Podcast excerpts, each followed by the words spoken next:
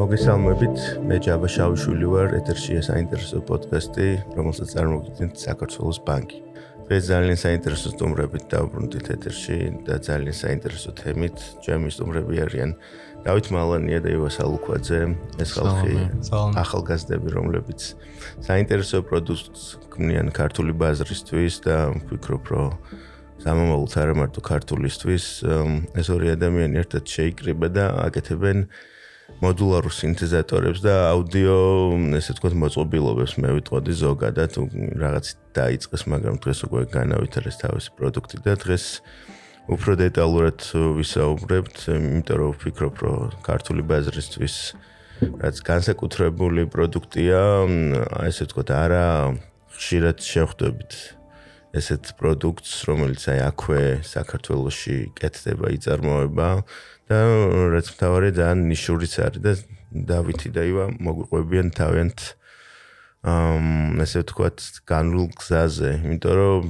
პრინციპში ძალიან დიდი გზაც არა გაქვთ, მაგრამ საინტერესოდ ჩემი აზრით ბოლო ორი წლის განმავლობაში ძალიან საინტერესოდ ამოხვედით და ასე ვთქვათ ზედაპირზე ხარ ჩემთვის აი ამ მიმართულებით და მოდი დავიწყოთ და ვისაუბროთ. პირველ რიგში დავითთან გადავალ სიტყვით როგორს დაინტერესდა საერთოდ აი ამ საკითხით თუ თუ მეტყვი ნუ ჯერ მაინც მაინტერესებს აი რა კავშირი ქონდა მუსიკასთან მიმართებაში ბავშვობიდან. მ იდეაში ორივე პროფესიით დიზაინერები ვართ და მუსიკასთან აა უბრალოდ აი მელომანური კავშირი ქონდა რა. გვიყვარდა მუსიკა, უსმენდით მე ფირფიტებს აგროვებდი. აა და ყველაფერი ალბათ დაიწყო იმითი, რომ ან ჩვენ ხშირად მუშაობდით ხოლმე რა, როგორც დიზაინერები პროექტებზე.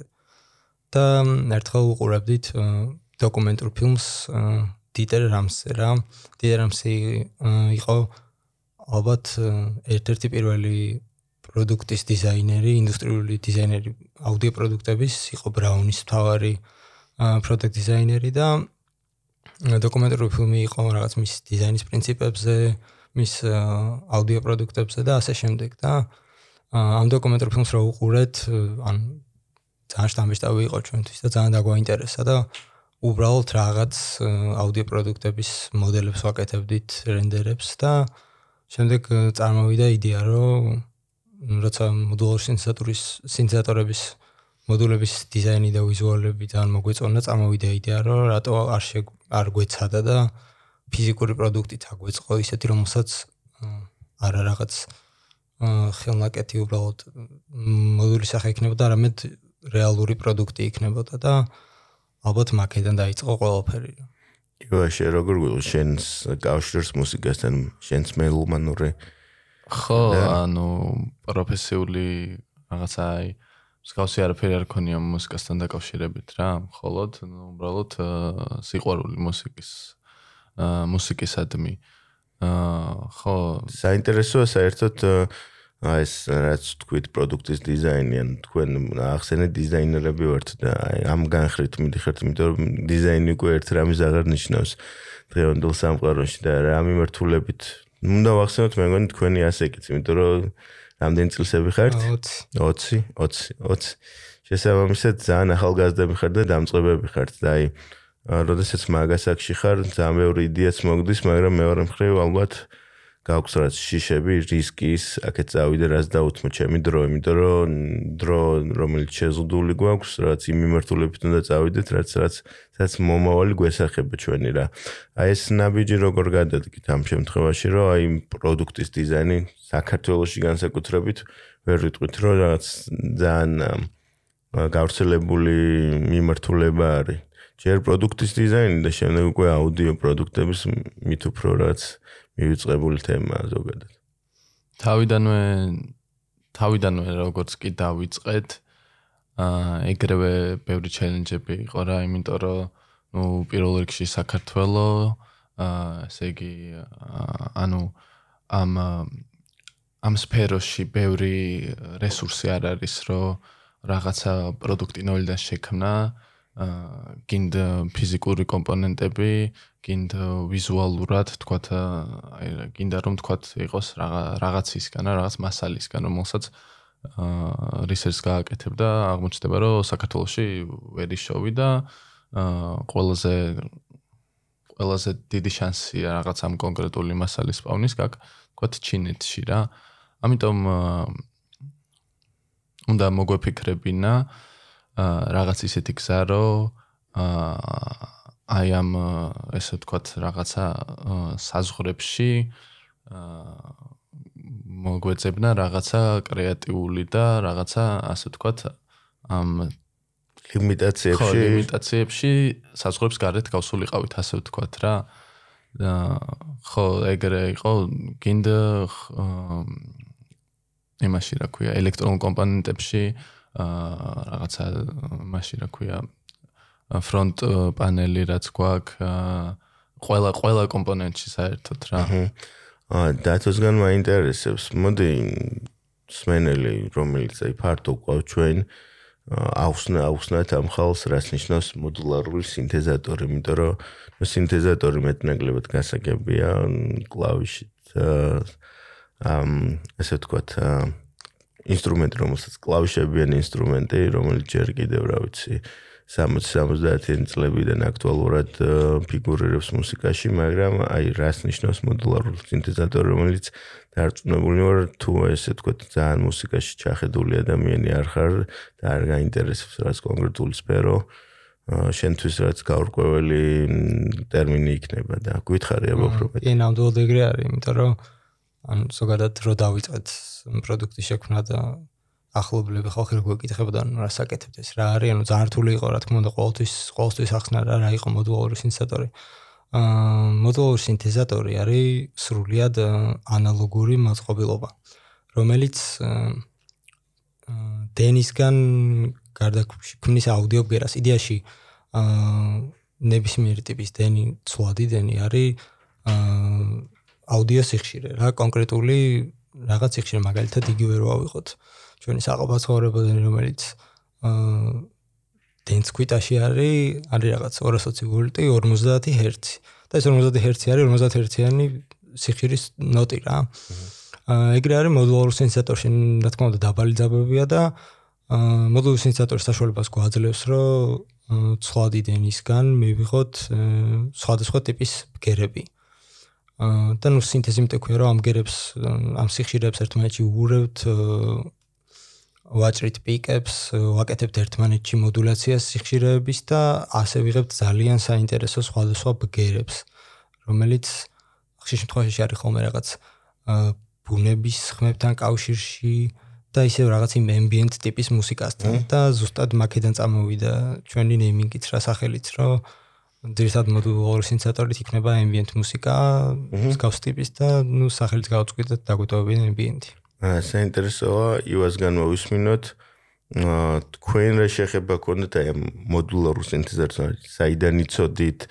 ჯერ რო იცოდით მოგეწონათ ალბათ მაგრამ აი საიდან გქონდათ პირველი შეხება თუ გახსოვს შენ თვითონ ისევ ისევ ინტერესი იყო მხოლოდ ინტერესი ბავშვობაში რაღაც YouTube-ის ვიდეოები აა რაღაცა ისინი რა ქვია live performance-ები მოდულარის და შემდეგ რა ანუ მე პირადად ფიზიკური შეხება არ მქონია ამბიენტამდე მოდულართან რა მაგრამ ყოველთვის რაღაც პონჩი აი რაღაცნაირად მაინტერესებდა რა ყოველთვის და ის იყო რა პრობლემა რომ რაღაც YouTube-ში ვიდეოებს ვნახავდით რომ ვიღაცებს ქონდათ სეტები აწყობილი თავისი მოდულებით და რაღაც და მე ფასებს რომ ვნახულობდით თითო-თითო მოდულის რაღაც ნუ მიუღწეველი ოცნებასავით იყო, იმიტომ რომ ძალიან ძვირი ღირდა რა ყველა მოდული რა.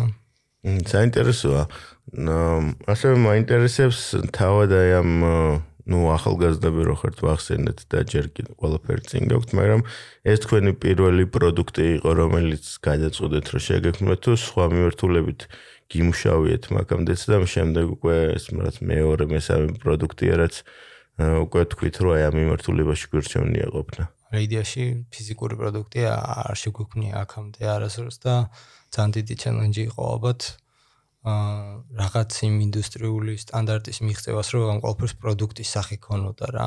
აქამდე რასაც ვაკეთებდით 3D დიზაინზე რაც ამუშავებდით ხოლმე ყოველთვის რაღაც ვირტუალური პროექტები იყო ანიმაციები პროდუქტის ვიზუალიზაცია და ასე შემდეგ, მაგრამ ამ ყველაფრის ფიზიკურად გადმოტანა ისე რომ რეალურად ხარისხიანი პროდუქტის სახე ქონოდა ძალიან რთული იყო და ძალიან ძალიან დიდი დრო არა, მაგრამ ნუ საკმაოდ რამდენიმე ცდა და რისერჩი ბევრი და ეს კვლევას მაგალითად გააკეთებდით ალბათ, მაგრამ საინტერესოა ის საქართველოსში რა გამოცდილება დაგვთ, ნუ ალბათ მოდულარ სინთეზატორზე ზედმეტი ალაბარაკი რაღაც ვინმეს ალბათ ცდები არ მგონია ქონოდა, მაგრამ საინტერესო ზოგადად აი მსგავსი ტიპის ფიზიკური პროდუქტის შექმნაზე აქ ადამიანები თქვენამდეც რა ტიპის პროდუქტებზე მუშაობდნენ, თუნდაც აი ეს ელექტრული ინჟინერია რაშიც საჭირო ხდება ხოლმე.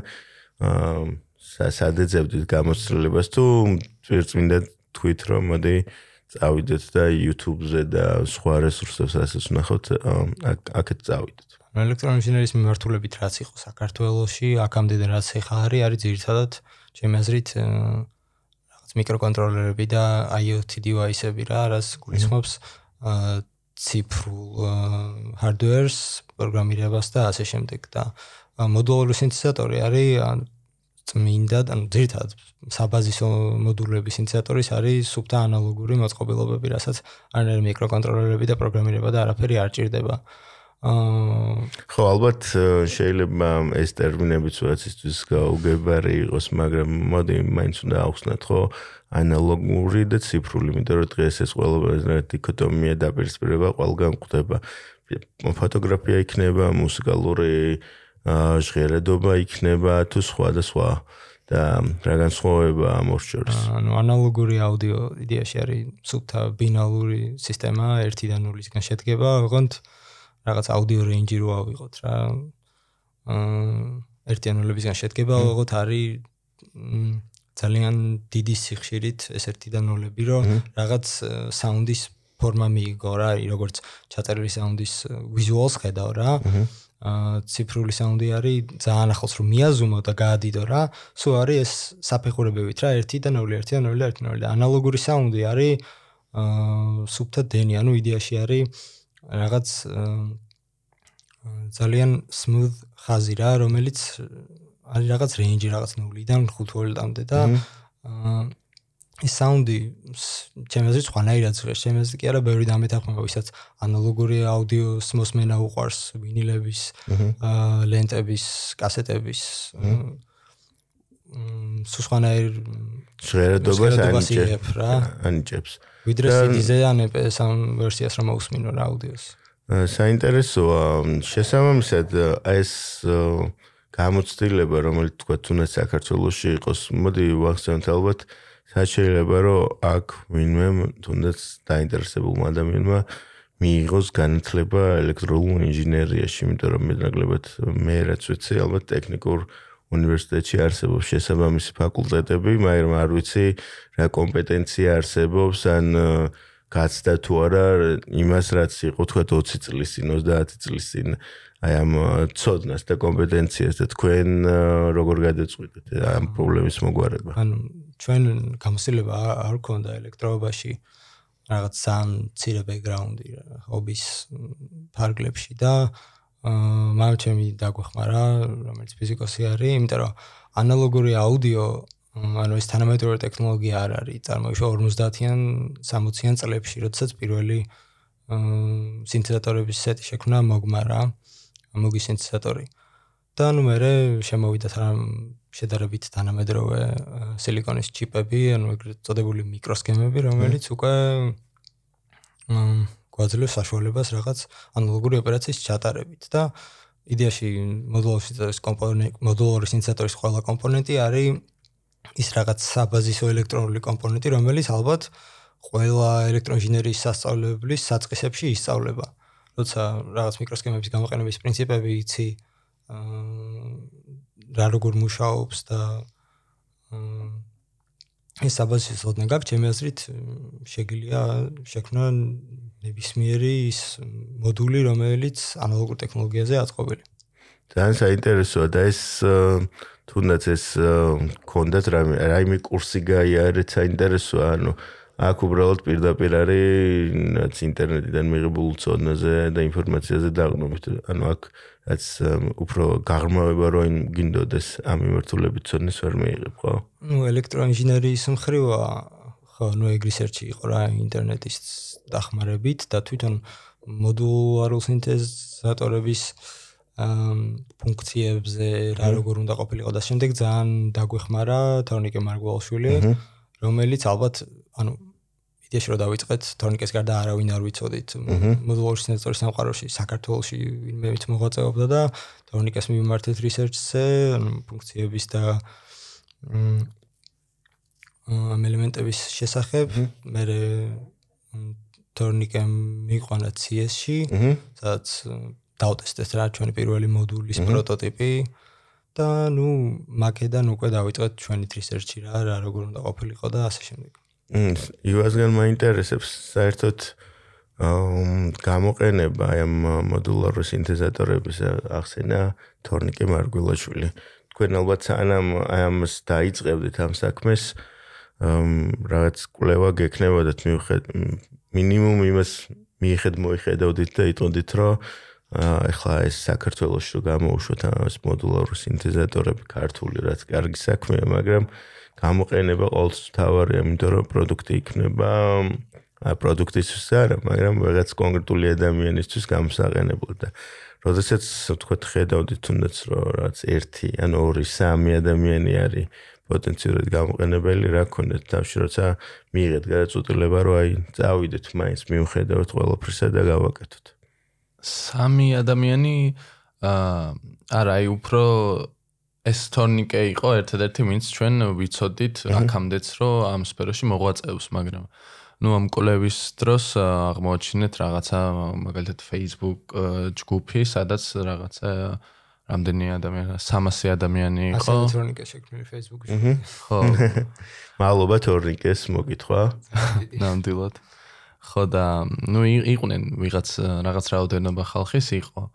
აა კიდე ნუ აი ამ ცესში სადაც თორნიკე მიგვიყვანა აა მანდარი მოდულარული სინთეზატორის მოდულარის კურსი არის რომელსაც ატარებს ბენვილერი აა ბენის გავიცანით ესე ასე ვთქვათ ამ საზოგადოებაში აა შევედით ასე ვთქვათ აა დაუმეგობრდით მათ ძალიან ცესთან სუ თანამშრომლობთ რაღაცა ერთობლივი ვორქშოპის ჩავატარეთ მან და ამ შემდეგ. ასე რომ ისე რომ თლათ არავინ არაკეთებს მოდულარს საქართველოში არ არის. არა არავინ არაკეთებს მაგრამ არიან მომხმარებლები ასე ვთქვათ როგორ არის თავად აი თქვენმა წამოწებამ როგორ ხელი შეუწყო ზოგადად ამ მიმართულების თუნდაც ცნობადობის ამაღლებას, რომ ესეთი რაც გაკეთებათ შეგიძლიათ აი მუსიკოსებო, კი, კარგია გიტარა, ჩვეულებრივი სინთეზატორი, მაგრამ აი მოდულარიც საინტერესო რამე, ანუ როგორ ფიქრობთ? კონდათ რამე, რომ რაღაცნაირად თუნდაც გამოუშვით ბაზარზე და რაც მოხმარებელთა რაოდენობა ინტერესი მინიმუმი გძენით, რომ გაიზარდა. კი, ინტერესი თავიდანვე ინტერესი და მხარდაჭერა ძლიერი დაგხვდა, იმიტომ რომ ქართულ ქართველი მუსიკოსები, ვინც აკეთებენ, ვინც ხმარობენ მოდულარს და თუნდაც ვინც არ ხმარობენ, რო გაიგეს, რომ საქართველოში აა ვიღაცაებმა დაიწყეს ამ სფეროში რაღაცის კეთება, აა მაგათვის ძალიან კარგი ნიუსი იყო და ეგრევე ვიგზენით ძალიან დიდი სუპორტი ეგრევე ინსტაგრამზე გადა გადაზიარება და ამ შემდეგ. და საინტერესოა თავად შექმნის პროცესი მე ვფიქრობ რა იმიტომ რომ ყველაზე მნიშვნელოვანი მაინც ეგ არის იმიტომ რომ საქართველოსში იქნება ეს რომ თქვათ დასავლურ ქვეყნებში ან თუნდაც აზიურ ქვეყნებში შევხვედრო და მეტნაკლებად იტყოდი რომ ნუ იმათ ძალიან დიდი გამოცდილება აქვს ელექტრონულ ინჟინერიაში მუსიკალური ინდუსტრიაც სხვა დონეზე აქვს და არანაირი გასაკვირი თითქოს არ არის რა, მაგრამ საქართველოსში ამის შექმნის პროცესი არის ყველაზე საინტერესო, იმიტომ რომ საბოლოო ჯამში მაინც პროდუქტი არის ქართული. ან მე საბოლოო ჯამში ქართულ პროდუქტად პოზიციონირდებით ხო ესეა? კი, კი. ანუ ძალიან ბევრი სირთულე იყო დასაწყისში. მმ, იმიტომ რომ გამოცდილება არ ქონდა, მაგალითად, რაცა პირველი პარტია პლატები შეუკვეთეთ მ ჩინეთში და იქ რაღაც ნუ ელექტროინჟინერიის მერე და ბოლო ვიზუალურ მხარეზე რაღაც დავაწერეთ იქ made in georgia რომ შეუკვეთეთ იქ ჩინეთთან მოგწერეს რომ არა ამას ვერ დავაწერთო რა. Made in china ჩვენი ტრეიდმარკიაო და ანუ რამე გადააკეთეო რა და ბოლოს გამოვიდა designed in georgia რა და ანუ პირველი პარტია პლატები ძალიან გვიხაროდა რომ ჩამოვიდა და ბრაკი იყო რა ანუ რაღაც ისეთი შეცდომები გაგვეპარა ისე ჩვენი გამოუცდელობის გამო, რაც არ ვიცოდით, როგორ ყოფილიყო ინდუსტრიის სტანდარტში და ეგეთი შეცდომები მოგვივიდა, მაგრამ ნუ აა შემდეგ ვერსიაზე უკვე გამოვასწორეთ, რა თქმა უნდა, ეს ყველაფერი და ნუ ყოველი ახალი მოწყობილობის დიზაინის პროცესში, სქემის დახაზვის პროცესში აა ნუ ყოველთვის არის ხოლმე რა რაღაც ხარვეზები, რაც გვეპარება რა და აა შემდეგ ყველაზე რთული პროცესი ალბათ პლატების ჩამოსვლის მერე ამ ხარვეზის მოძებნა და troubleshooting-ი და გამოსწორება რა. საინტერესოა თავად აი კომპონენტები ახსენე და ჩინეთი, იმიტომ რომ არაერთი ვარო ვინ დამოკიდებულება არის ხოლმე ყოველთვის ჩინურ პროდუქტებთან მიმართებაში, რომ ეს არ არის გამძლე, ეს არ არის კარგი, ნუ რაღაცა შეერა, რაღაცა სარჯერა, მის მაგრამ საინტერესოა თავად აი მომწოდებელ კომპონენტების მომწოდებლად ჩინური ბაზარი და ჩინური კომპანია რო აერჩიეთ მაგ გადაწყვეტილების უკან აი ამაზეც დაფიქრდით ანუ შეარჩიეთ რამდენიმე ტიპის მომწოდებელი და საბოლოო გადაწყვეტილება ესე არჩიეთ აა იცი როგორ არის ის მიკროსქემები და საბაზისო ელექტრონული კომპონენტები რომლებიც მოდულ სინთეზატორში გამოიყენება შეიქმნა ძალიან დიდი ხნის წინ რა სადღაც 70-იან წლებში 80-იან წლებში და ჩვენთან რაც იყიდება თბილისში თუნდაც ელექტრონკომპიუტერების მაღაზიებში და სოფლიოს მასშტაბში მასშტაბში რაც არსებობს ეს კომპონენტები რომელიც წლებია არსებობს შექმნილია და ხარისხი სულ სტაბილურია მაგ შემთხვევაში არ ქონია არანაირი პრობლემა იმაზე რომ ეს თქვა ჩინეთში კეთდება და შეიძლება უხარისხო იყოს ან რამე იმიტომ რომ იმდენი ხანია ამას აწარმოებენ და იმდენ სტაბილური ხარისხი უჭირავს ჩემი აზრით რა ამ კომპონენტებს რომ ან უბრალოდ არ აქვს აზრი რა თქვათ ისე ევროპიდან და ამერიკიდან გამოწერას იმიტომ რომ იქაც ისე ჩინეთიდან წამოღებული კომპონენტები აქვს რა. ანუ კონკურენცია ჩინეთს არ აქვს ამ სფეროში. აა ყველა თითქმის ყველა პროდუქტი, რასაც ჩვენ ხმარობთ, კეთდება ჩინეთში, რა უმეტესობა? iPhone-დან დაწყებული, არ ვიცი, საიდან დამთავრებული. უკვე ინდოეთში. ხო, ხო, ეხა ეხა უკვე ინდოეთში, მაგრამ ნუ ეს ელექტრონული კომპონენტების ბიზნესი მთლიანად თითქმის მთლიანად ჩინეთს უჭირავს და ხარისხს რაც შეეხება, არის რა თქმა უნდა ქარხნები, რომლებიც აწარმოებენ უმაღლეს ხარისხს და კარგი და ცუდი ყველგან არის. ხო, კარგი და ცუდი ყველგან არის, რა თქმა უნდა და ნუ პოვნა ჭირდება, არჩევა ჭირდება და ისეც არ არის, რომ თქვათ სამი სამი კომპანია ყავს, რომლისგანაც კომპონენტებს ყიდულობთ. ყავს ერთი, რომლის რომელებსაც პლატებს უკვეთავთ, ჩვენ ჩვენ დახაზულ პლატებს უკვეთავთ, ამზადებენ და ჩამოაქვთ. და სხვა კომპონენტებსაც შეეხება, რასაც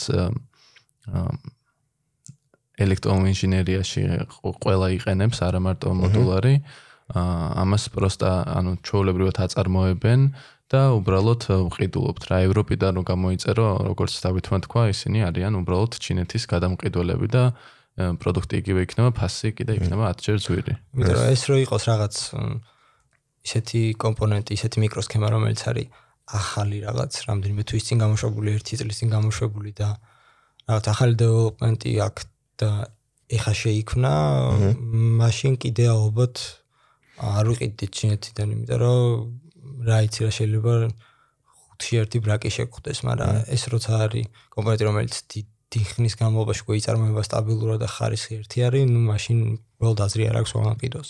გასაგებია თქვენ ახსენეთ მიკროსქემების დახაზვა, რასაც ჯერ პირველ შეიძლება ეტაპებად რომ დავყოთ ხო რაღაც არქიტექტურას აა ითვალისწინებთ პირველ რიგში ალბათ ხო? რა გჭირდებათ და როგორი ტიპის რაც მასალა გჭირდებათ რა თუნდაც მიკროსქემებზე აი რაც ნაბიჯ-ნაბიჯ რო გავყვეთ თქვენი პროდუქტი რაც უბრალოდ იდეიდან დაწყებული საბოლოო პროდუქტამდე მიყვანილი როგორ დაყოფთ ამ ნაწილებს? მოდულარის ვარიანტი ახსნი მაგალითად. ეხლა რა რა მოდულების სერიაც გვაქვს ეს არის Dragon Series რომელიც არის ჩვენი პირველი სერია და გვინდა რომ გვინდა რომ რაღაც ყველა საბაზისო ფუნქციონალის მოდული შევქმნათ. აჰა. მაგიდან მაგალითად რაც არ გვაქვს შემდეგ მოდულს მოდულის სახელწოდების მიხედვით ვიწყებთ ფუნქციონალების ჩამოწერას რა ანუ რა ფუნქცია უნდა კონდეს და ანუ იხაზება ეგრეთ წოდებული ბლოკ დიაგრამა რა ანუ უბრალოდ ნაბიჯებია რომელიც მიკროსქემაში უნდა იყოს გათვალისწინებული იქნება შემავალი სიგნალის დამუშავება უკვე ამ სიგნალის მოდიფიკაცია, აუთპუტი და შიდა ნუ რამდენიმე სხვადასხვა პროცესი. ამ ბლოკ დიაგრამის მერე აა უკვე ირჩევა კომპონენტები.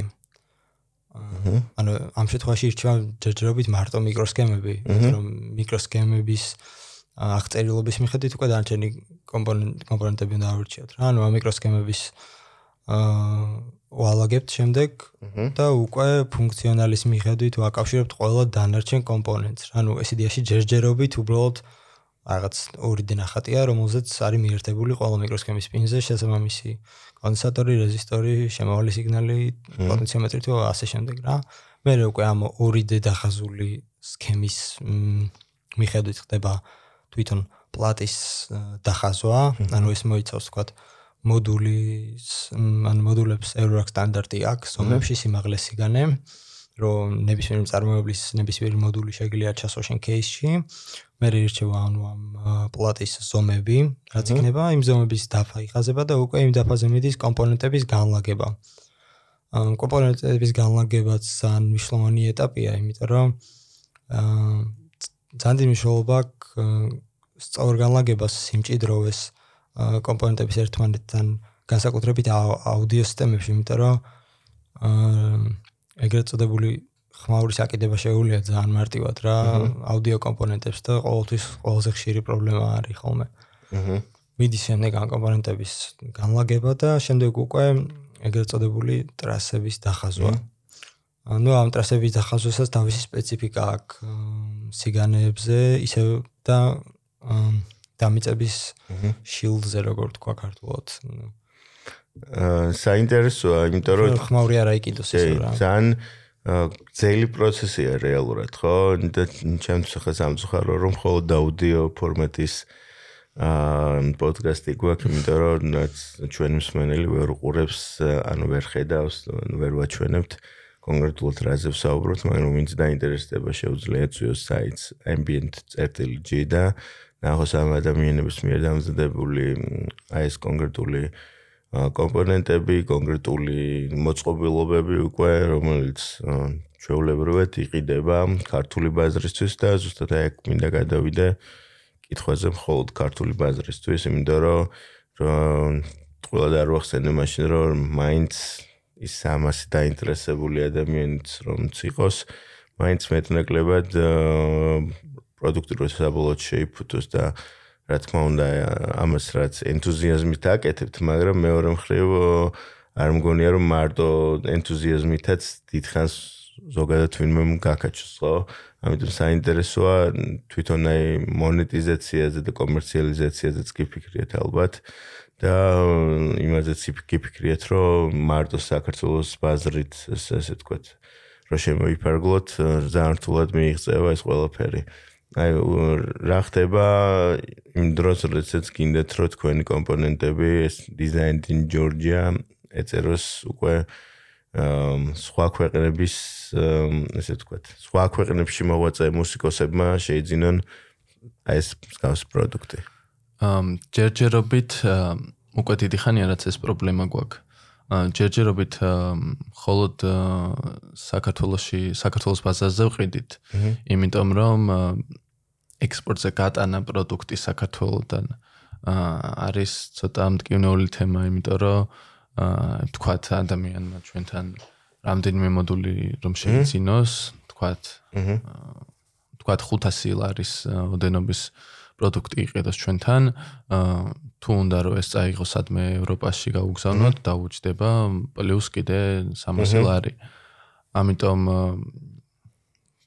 ჯერჯერობით ვეძებთ ისეთ გზას, რომელიც მომხარებლისთვის კომფორტული იქნება, რომ თქვათ შეიძინონ ამ ეტაპზე ჯერ ევროპიდან. ეს კინეულის საკითხია. ჩვენი თავი ერთ-ერთი მთავარი იდეა რაც იყო მოდულარის კეთებისას, რომ ყოფილიყო ეს ხელმისაწვდომი იმ მუსიკოსებისთვის, დამწყე მუსიკოსებისთვის, რომელსაც ეხა აღმოაჩინეს ეს სფერო და უნდა უნდა თავი გაენვითარონ ამაში, თავისი რაღაც სეტი რაღაც ყონდა, ამაში რაღაც 1000 დოლარი არ დახარჯონ. ეგ იყო ჩვენი თავი იდეა, რომ ყოველთვის ხელმისაწვდომი ყოფილიყო და როცა მიდის საუბარი ევროპაში, ამერიკაში გაგზავნაზე, მოდულის ფასი ვეჯდება ამ ყოველფრის შიფინგი და ანუ უკვე აღარ გვიღირს რა ანუ არ გადის საინტერესოა ვინ არიან თუნდაც კონკურენტები. ან ისედ საქართველოსი არ გულისხმობ. ალბათ უცხოეთში მეორე კომპანია იქნება მსგავსი ტიპის წამოწყებით დაინტერესებული. თუნდაც რა ფასები აქვს მე და საფასო განსხვავებები როგორია თქვენს პროდუქტს რომელსაც აქ ამზადებთ და უცხოელ კონკურენტ შორის ალბათ ეტყვით ხარ მაგალითად რაღაც ჩვენი მიქსერი რო ღირს არის 120 ლარი აჰა. აა მაგალითად დოიფერის ფირმის უბრალოდ იგივე ფუნქციონალის მიქსერი 99 დოლარი ღირს რა ანუ მიახლოებით ეგეთ საფასო განსხვავება არის. ან არის რაღაც უცხოური მოდულები, რაღაც წირე ფუნქციონალით. აჰა. რაღაც ერთი იუნიტ პატარა დაბალი მოდულები, რომლებიც შეიძლება რაღაც 30-40 დოლარის ღირდეს, მაგრამ დიდი ფუნქციონალის და ეგრეთ რაღაც მძლავრი მოდულები უკვე რაღაც 200 დოლარამდე ფასია და ნუ მაღლა რა. საინტერესოა კიდევ რა პროდუქციას ამზადებთ, იმიტომ რომ მე რაც შემჩნეული მაქვს ერთ-ერთი ძალიან საინტერესოა აა კასეტის საკრავი თქვენი ძალიან საინტერესო დიზაინით, ცოტა ვინტეჯული დიზაინითაც კი მე ვიტყოდი. აა რა პროდუქტები გაქვთ გარდა ამ შემოხვედით ამ მოდულარულ სინთეზატორებით, მაგრამ სხვა კიდევ რა პროდუქტს თავაზობთ აქ ევროპას? კასეტის პლეიერი ალბათ ერთ-ერთი ყველაზე ჩვენი გავრცელებული პროდუქტი იყო, იმიტომ რომ ძალიან დიდი გამოხმაურება მოყვა. ძალიან ბევრ ხალხს მოეწონა, ძალიან ბევრმა შეიძინა. მიუხედავად იმისა, რომ შეძენა ხდებოდა წინასწარი შეკვეთით რა, ну, იმიტომ რომ დრო ჭირდებოდა საკმაოდ ამის აწყობას მიახლოებით ორ კვირამდე, იმიტომ რომ ყველაფერს იდეაში ხელით ვაწყობთ რა ჩვენით. აა კასეტის პლეიერის გარდა გადაწყვიტეთ რაღაც ამ ანალოგური აუდიოს ნიშაში ცოტა მოძრაობა და ავაწყეთ პრეამპი, რომელიც რაღაც საბჭოთა ლამპების ბაზაზე გავაკეთეთ, იმიტომ რომ ანუ ეს ლამპები ძალიან ბევრია და ჩენლი ძალიან ბევრი შოება და რაღაცეთი ფუნქციონალი მოუფიქრეთ, რომ პრაქტიკული ყოფილიყო და გამოიყენებინა. ნუ ეს პრეამპი რაღაც double signals იგივე ფრისაკრავის სიგნალს აძლიერებს შესაბამის დონეზე და თან ამ ლამპებიდან რაღაც ვინტაჟური რბილი თბილი საუნდი აქვს რა. თან ხარისხიანია რაც თავარია. საინტერესოა ეს თუნდაც კასეტის საკრავი რაც გააკეთეთ რატო გადაწყვიტეთ როგორ გადაწყვიტეთ და საერთოდ აი რაც ვისაუბრეთ სინთეზატორზე მაგრამ აი ამის აწყობა როგორ ხდება ამისთვის რა გჭირდება თაკაც ჩინეთში მიდიხართ თუ არა ყველაფერი საინტერესოა. ჩინეთში ფიზიკურად არ დავდივართ იდეაში კასეტის საკრავის იდეა წამოვიდა იქიდან რომ უყურებთ ბევრ ქართულ ლეიბლს რომელიც კასეტაზე გამოცემს თავიანთ ალბომებს იმიტომ რომ ვინილის ფორმატი საკმაოდ ძვირი ჯდება და ნუ კასეტა შედარებით ბიუჯეტური ვარიანტია და ასე თუ ისე გავრცელებულია ჩვენთან რა ისე შემოვიდა აი ეგაა საინტერესო ჩვენ მსმენელისთვისაც რომელიც გაკურებული უბრალოდ იკითხავს, რომ Spotify-ის ეპოქაში სადაც სტრიმავთ, რაღაც დროს კასეტაა და ალბათ ვისაც კასეტები ქონდა შეიძლება გადაგდებული აქვთ, ან სადღაც მიმალულია, მიჩქმალულია, იმიტომ რომ ფაქტი არის რომ დღეს რაღაც მასობრივად მუსიკის მოხმარება ხდება სტრიმინგზე, აი ფაილების განუწერაც კი არ ხდება ადამიანს კომპიუტერში და აი კასეტამდე რამე გიყვანათ კონკრეტულად და თქვენ რა დამოკიდებულება გაქვთ აი მედიუმზე. ანუ როგორც ვინილების ფორმატი დაბრუნდა ისე მოხმარებაში და ხალხს შეუყვარდა ეს საუნდი, ასევე კასეტები გახდა პოპულარული მუსიკოსებისთვის, რომლებიც უშვებენ ალბომებს კასეტებზე და ჩემი აზრით პირადად სუსხნაირი შეგრძნება არა, როცა ალბომი გაქ და გაქ ანუ როცა Spotify-ზე გაგამოწერილი უბრალოდ რაღაც პლეილისტში გაქ ჩაკეთებული და როცა ფიზიკურად გაქ და შეგლია ხელით შეეხო და ანუ თან კასეტას სხვა შორის საკმაოდ ხარისხიანი აუდიოს გადმოცემა შეუულია რა. იმიტომ რომ წინამორ წინამორდი არა, შთამომავალი არის დიდი ბაბინების ლენტის რა, რომელზეც ადრეს ანუ დიჯიტალიზაცია მოხდებოდა მასტერინგი და ყველაფერი კეთდებოდა ამ დიდ ლენტას და იყო საუკეთესო საუნდის მედიუმი რა. და წარმოებას რაც შეეხება, ხო, ანუ ისევ დაგჭირდა ანუ კასეტის მექანიზმის მოძიება, შემდეგ ელექტრონული ნაწილის გაკეთება, რომ ის რაღაც მექანიზმიდან სამკითხულ თავს თავის საუნდი გაგვეძლიერებინა ეს ძრავს რაღაც სტაბილური სისტრაფით მოძრავა რომ ვობლინგი არ ყოფილიყო საუნდის და ნუ შემდეგ ყველაზე დიდი პრობლემა რაც იყო ეს იყო корпуსის შექმნა. აჰა. იმიტომ რომ ანუ ეს სტანდარტული მაგნიტოფონი არ არის რა ალბათ ეგეც უნდა ვახსენოთ მენელთან რა ანუ ფორმა სტანდარტული მაგნიტოფონის არ აქვს რაზეც ძირითადად მიჩეული იყო ხალხი თქვენ 20 წლისები და თქვენ დროს უკვე პრინციპში კასეტას ესე აქტიურად აღარ მოიხმარდნენ მაგრამ აი ზუსტად ალბათ ეგეც საინტერესოა რა იმიტომ რომ ადამიანებს რომელსაც ამის გამოცდილება თავის დროს 90-იანებში არ ქონდათ ამ ადამიანებმა გადაწყვიტეს ამ აი ამ ესეთი მსგავსი მოწყობილობის შექმნა. აი აქ რამ გიბიძგათ აი მხოლოდ აი რაღაც აა თუნდაც მუსიკოსები რო უშვებენ კასეტაზე მაგის აა ეგ იყო мотиваტორი თუ თქვენს კიდევ რაღაცა დაან მოგწონდათ ეს ყველა. მე ვიტყვი რა რაღაც შეიძლება ჩელენჯებით იყო ჩვენთვის, იმიტომ რომ კასეტის პლეიერი მე მგონი პირველი პროდუქტია მოდულარის გარდა რაც გამოუშვით რა. ანუ აქამდე სულ მოდულარში ვიყავით და რაც გავწყვიტეთ რაღაც განსხვავებული გაგვეკეთებინა. მერჩის გარდა. ხო, ანუ მერჩის გარდა. ხო, მერჩი მერჩ სხვა პროდუქტებისგან განსხვავებით მომხმარებელი და პროდნო ესე ვთქვათ, შემქმნელებით საქართველოსი საკმაოდ ყავს, მაგრამ აი აქ აუდიოში ძალიან საინტერესო იყო ჩემთვის საინტერესო ის არის თქვენ ორი აკეთებთ ამ ყველაფერს თუ გეხმარებათ კიდევ რაც გუნდი გყავთ ასე შემდეგ არანაირი გუნდი მე და დავითი ვართ და დავითის мама გვეხმარება იშვიათად მარტო ამაზე ხართ კონცენტრირებულები ახლა არა დიზაინის სფეროშიც მუშაობთ იმიტომ რომ ნუ დიზაინერები ვართ თან სწავლა ასე შემდეგ და ყავს ილუსტრატორი ერთი ძალიან ჯერ ბიჭი ბაქარი, რომელიც აი ჩვენი მერჩის და ყველა პეკეჯინგის ილუსტრაციებს გვიხატავს ხოლმე. საინტერესოა თქვენი ბექგრაუნდი არის დიზაინში და საბოლოო ჯამში ეხლა ნაწილობრივ უკვე გადახვედით ელექტრულ ინჟინერიაში. ეს დიზაინის ბექგრაუნდით ალბათ თქვენ ახსენეთ, რომ ესეც ჩვენი პირველი ფიზიკური პროდუქტი იყო.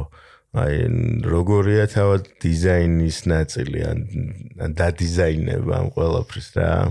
აა შეიძლება რაღაცნაირად ჩელენჯები მანდაც იყო იმიტომ რომ თქვენ რაღაც ინსპირაცია მიიღეთ სადაც ფილმისგან ცნობილი აა ინდუსტრიული დიზაინერისგან პროდუქტ დიზაინერისგან და საბოლოო ჯამში კი სურვილი ერთია მაგრამ რეალობაში გადაყვანა გადმოტანა ამ აა პროდუქტის ხშირად არ ემთხვევა აი მაგაზე რა გამოხმაურება იპოვეთ ან რა ჩელენჯები ქონდათ თუ გახსენდებათ? ხო ესე იგი მუსიკის სფეროში და მუსიკის ინჟინერიის სფეროში დიზაინს დიდი ყურადღება როგორც უხშირად არ ექცევა რა. მაგრამ ჩვენთვის ნუ რადგან დიზაინერები ვართ დიზაინს ძალიან დიდ ყურადღებას ვაქცევთ თუ იმაზე მეც არა რაც ფიზიკურ მხარეს აა თანაბრად ვაქცევთ ამ ორ მხარეს ყურადღებას და აა ნუ სანამ თავიდან სანამ რამეს ფიზიკურ შევქმნიდით, თავიდან ჩვენთვის იყო დიზაინი. გავაკეთეთ ლოგო, ბრენდინგი, აა ჩამოვაყალიბეთ, ასე ვთქვათ, ბრენდი ჩამოვაყალიბეთ, წინასწარ ვიცოდით როგორი აა როგორი ტიპის ბრენდი გვინდა და რო ჩვენ მომხმარებელს ენახა. აა ხო ხო და კიდე იმის თქვა მინდა და რომ ჩვენთვის მოდუ მოდულების და ჩვენი პროდუქტების დიზაინსაც ძალიან დიდი მნიშვნელობას ვანიჭებთ. აი რატე რატებით მიდიხართ აი მაგალითად აი ეს თუნდაც კასეტის საკრავი იყო რაღაც ცოტა ვინტეჟური ფორმის ანუ აი ვინტაჟურ მიმართულებას დიზაინში, იმიტომ რომ პროდუქტებიც მე ნაკლებად ვინტაჟურია ისედაც, ანუ არ არის სუპერ თანამედროვე. აა თავად გამოყენება, სადაც ადამიანს ასოციაციურად გადავყავხარ, არის მაინც წარსული, ვიდრე რაღაც მომავალი, თუნდაც. აი აქ აქ როგორი მიმართულება გვაქვს, არის ვინტაჟური, ამ შეიძლება გააკეთო ფუტურისტული მიმართულება, მაგრამ თქვენ რას რჩევთ? ყველაფერი ახალი კარგად დავიწყებული ძველი არის ასეთი გამონათქვამია.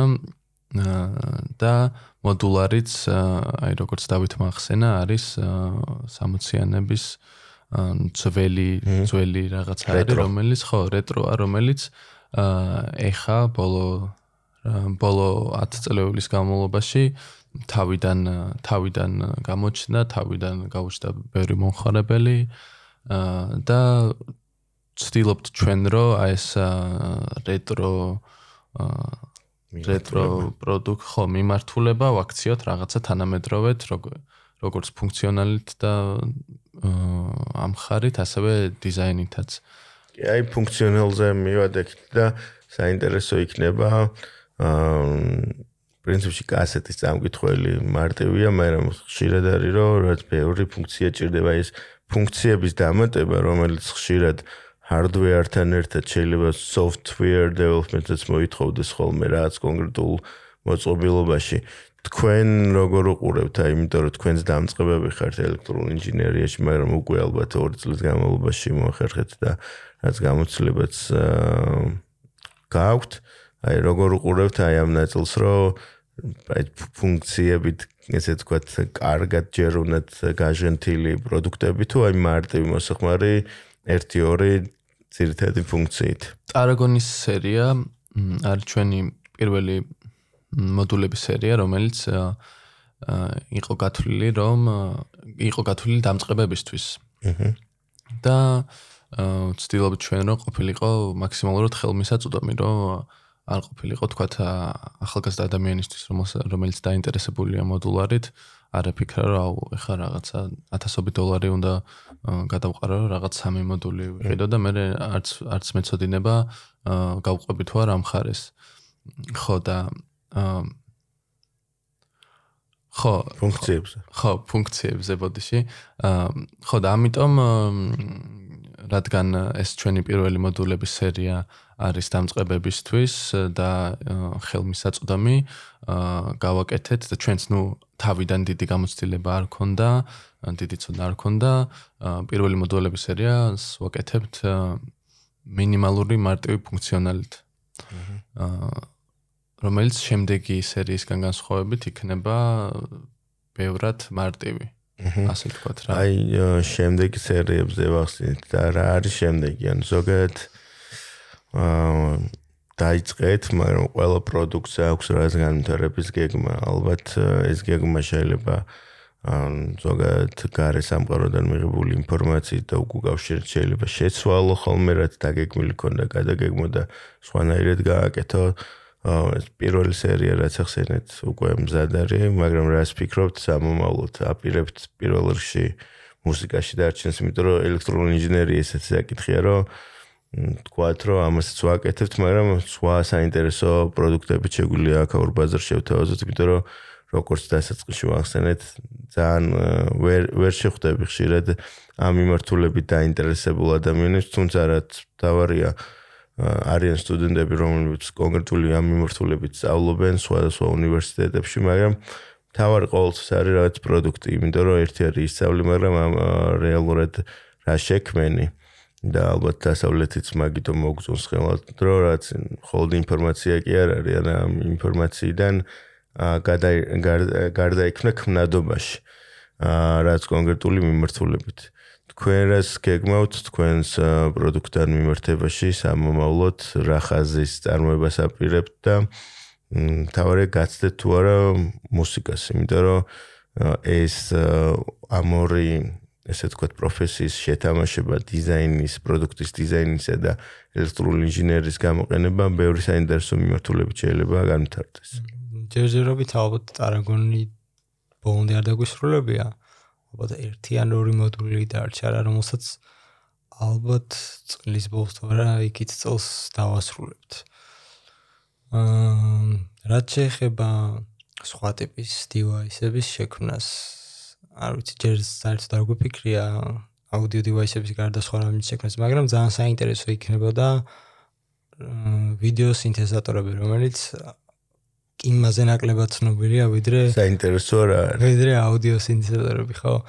ვიდეო სინთეზატორები არის ისე ანალოგური ვიდეო სიგნალების მოდიფიცირება და რაღაც უცნაური გამოსახულებების შექმნა აი ძველი კინესკოპური ტელევიზორი რო არხებს აურევდა და რაღაც ნოიზი იყო შავ-თეთრი. მსგავსი გამოსახულებების მიღება როგორც სხვადასხვა ფერების დამატებით ასევე ვიდეო სინთეზატორები ხშირ შემთხვევაში არის ხოლმე აუდიოთი კონტროლირებადი, რომ რაღაც საინტერესო ვიზუალები მიიღო ისე აუდიო ნაწარმოებისთვის და ანუ ეს საერთოდ ძალიან ნიშური მეართულება. მეართულება არის. ხო საქართველოსი არც ვიცი ვინმე თუ აკეთებს ამას რა. ხო და ვიდეო სინთეზატორების საინტერესო მიმართულებაა ძალიან რა, მაგრამ მაგაში საერთოდ გამოსლება ნამდვილად არ გვაქვს. და ასევე ფიქრობთ, რომ კასეტების მიმართულებით კიდე გავაგზელებთ რაღაც ექსპერიმენტებს, იმიტომ რომ აა ძალიან ну ჩვენთვის პირადად რაღაც მნიშვნელოვანი და საყვარელი აუდიო ფორმატი არის რა კასეტები რა. აჰა. საინტერესოა სწავლის ნაწილიც, იმიტომ რომ თქვით რომ რაც სწავლობთ, მაგრამ არ ვიცი რამდენად სწავლობთ კონკრეტულად ამ მიმართულებით, იმიტომ რომ ერთი არის რომ ამჟამინდელი ესე ვთქვათ, მოცემულობით აკმაყოფილდა და ცოდნი დაკმაყოფილდა და თქვა რომ ახლა საქართველოში რასაც ვაკეთებთ ეს ყოფნის და არ არის საჭირო, მაგრამ მეორე არის რომ იმდენად გაგიტაცოთ აი ამ მიმართულებამ, რომ თუნდაც ელექტრული ინჟინერიაზე გადაერთოთ აა რაც დაგეხმარება სამომავლოდ უკეთესი დივაისების შექმნაში. ან მეორე ნაწილია, როდესაც არა თქვენ საუბრობთ, არამედ ის რაც ოდნაც დააგროვეთ, საინტერესოა ვინმე ყავთ თუ არა აი ირგული დაინტერესებული პირები, რომლებიც მოდიან და გთხოვენ, რომ მეც მაინტერესებს ეს სფერო, იმიტომ რომ რეალურად მართლა საინტერესო რამეა და ჩემთვის ყველაზე საინტერესო და საამაყო რაც არის, რომ საბოლოო ჯამში პროდუქტს ეწერება დიზაინინგ ჯორჯი, იმიტომ რომ ბევრი პროდუქტი არა გვაქვს. თან ესეთი არა ორთოდოქსული პროდუქტზე გულისხმობ, თორე ბევრი რამე იწარმოება საქართველოში, მაგრამ რაც ძალიან ნიშური მიმართულება. იმას ვიტყვი რა, ანუ საქართველოში კეთდება რა ელექტროინჟინერიის მიმართულებით სხვადასხვა პროექტები, მაგრამ უმეტესწილად ეს არის ხოლმე რაღაც ისევ smart home სისტემები, რაღაც GSM გადამცემები და რაღაც საკმაოდ თანამედროვე ტექნოლოგიები, რომელიც ძალიან მაგარია საქართველოს რო კეთდება და ყავს ის ელექტროინჟინერები, რომელსაც ამხელოდ ცოდნა და გამოცდილება აქვს, რომ ესეთი დონის პროდუქტები შექმნა, მაგრამ რაც შეეხება ისევ აუდიო ჰარდვერის პროდუქტზე აა არ მგონია ვინმე აკეთებდეს ერთადერთი ვიცი რომ ჩვენთან აკეთებენ დინამიკებს, ეს არის ატომს აუდიო. ძალიან მაგა, ანუ თვითონ დინამიკებსაც თვითონ აკეთებენ რაღაც ქართული აბრეშუმით რა როგორც ვიცი რა მემბრანებს და ყველაფერს საერთოდ და საკმაოდ კარგი პროდუქტი აქვს და და დანარჩენი კიდე სხვა ნამდვილად არ ვიცი ვინც ჩვენთან აუდიოს მიმართულებით რამე ჰარდვერს აკეთებს. ძალიან საინტერესოა. მე მგონი მეტნაკლებად ამოვწურეთ თემა და ძალიან მიხარია რომ აკეთებთ ამ პროდუქტს და გააქვთ კიდევ გეგმები სამომავლოდ. აა ვფიქრობ, რომ რაც მაინსპირებელი ისტორიაც არის, იმიტომ რომ აი ესეთ ასაკში დაიწყო და რაც კონკრეტულ მიმართულებას მიყვე და გაინტერესებდეს ესე ძალიან ალბათ ჯერ მაინც ენთუზიაზმის ხარჯზე აა მაგალითის მიმცემიც არის სხვებისთვის. დიდი მადლობა რომ მეწვიეთ დღეს ჩემს პოდკასტში. მსმენელს შევახსენებ რომ ეს იყო საინტერესო პოდკასტი, რომელსაც წარმოგიდგენთ საქართველოს ბანკი. შევხვდებით ძალიან მალე ახალი ეპიზოდით. დროებით.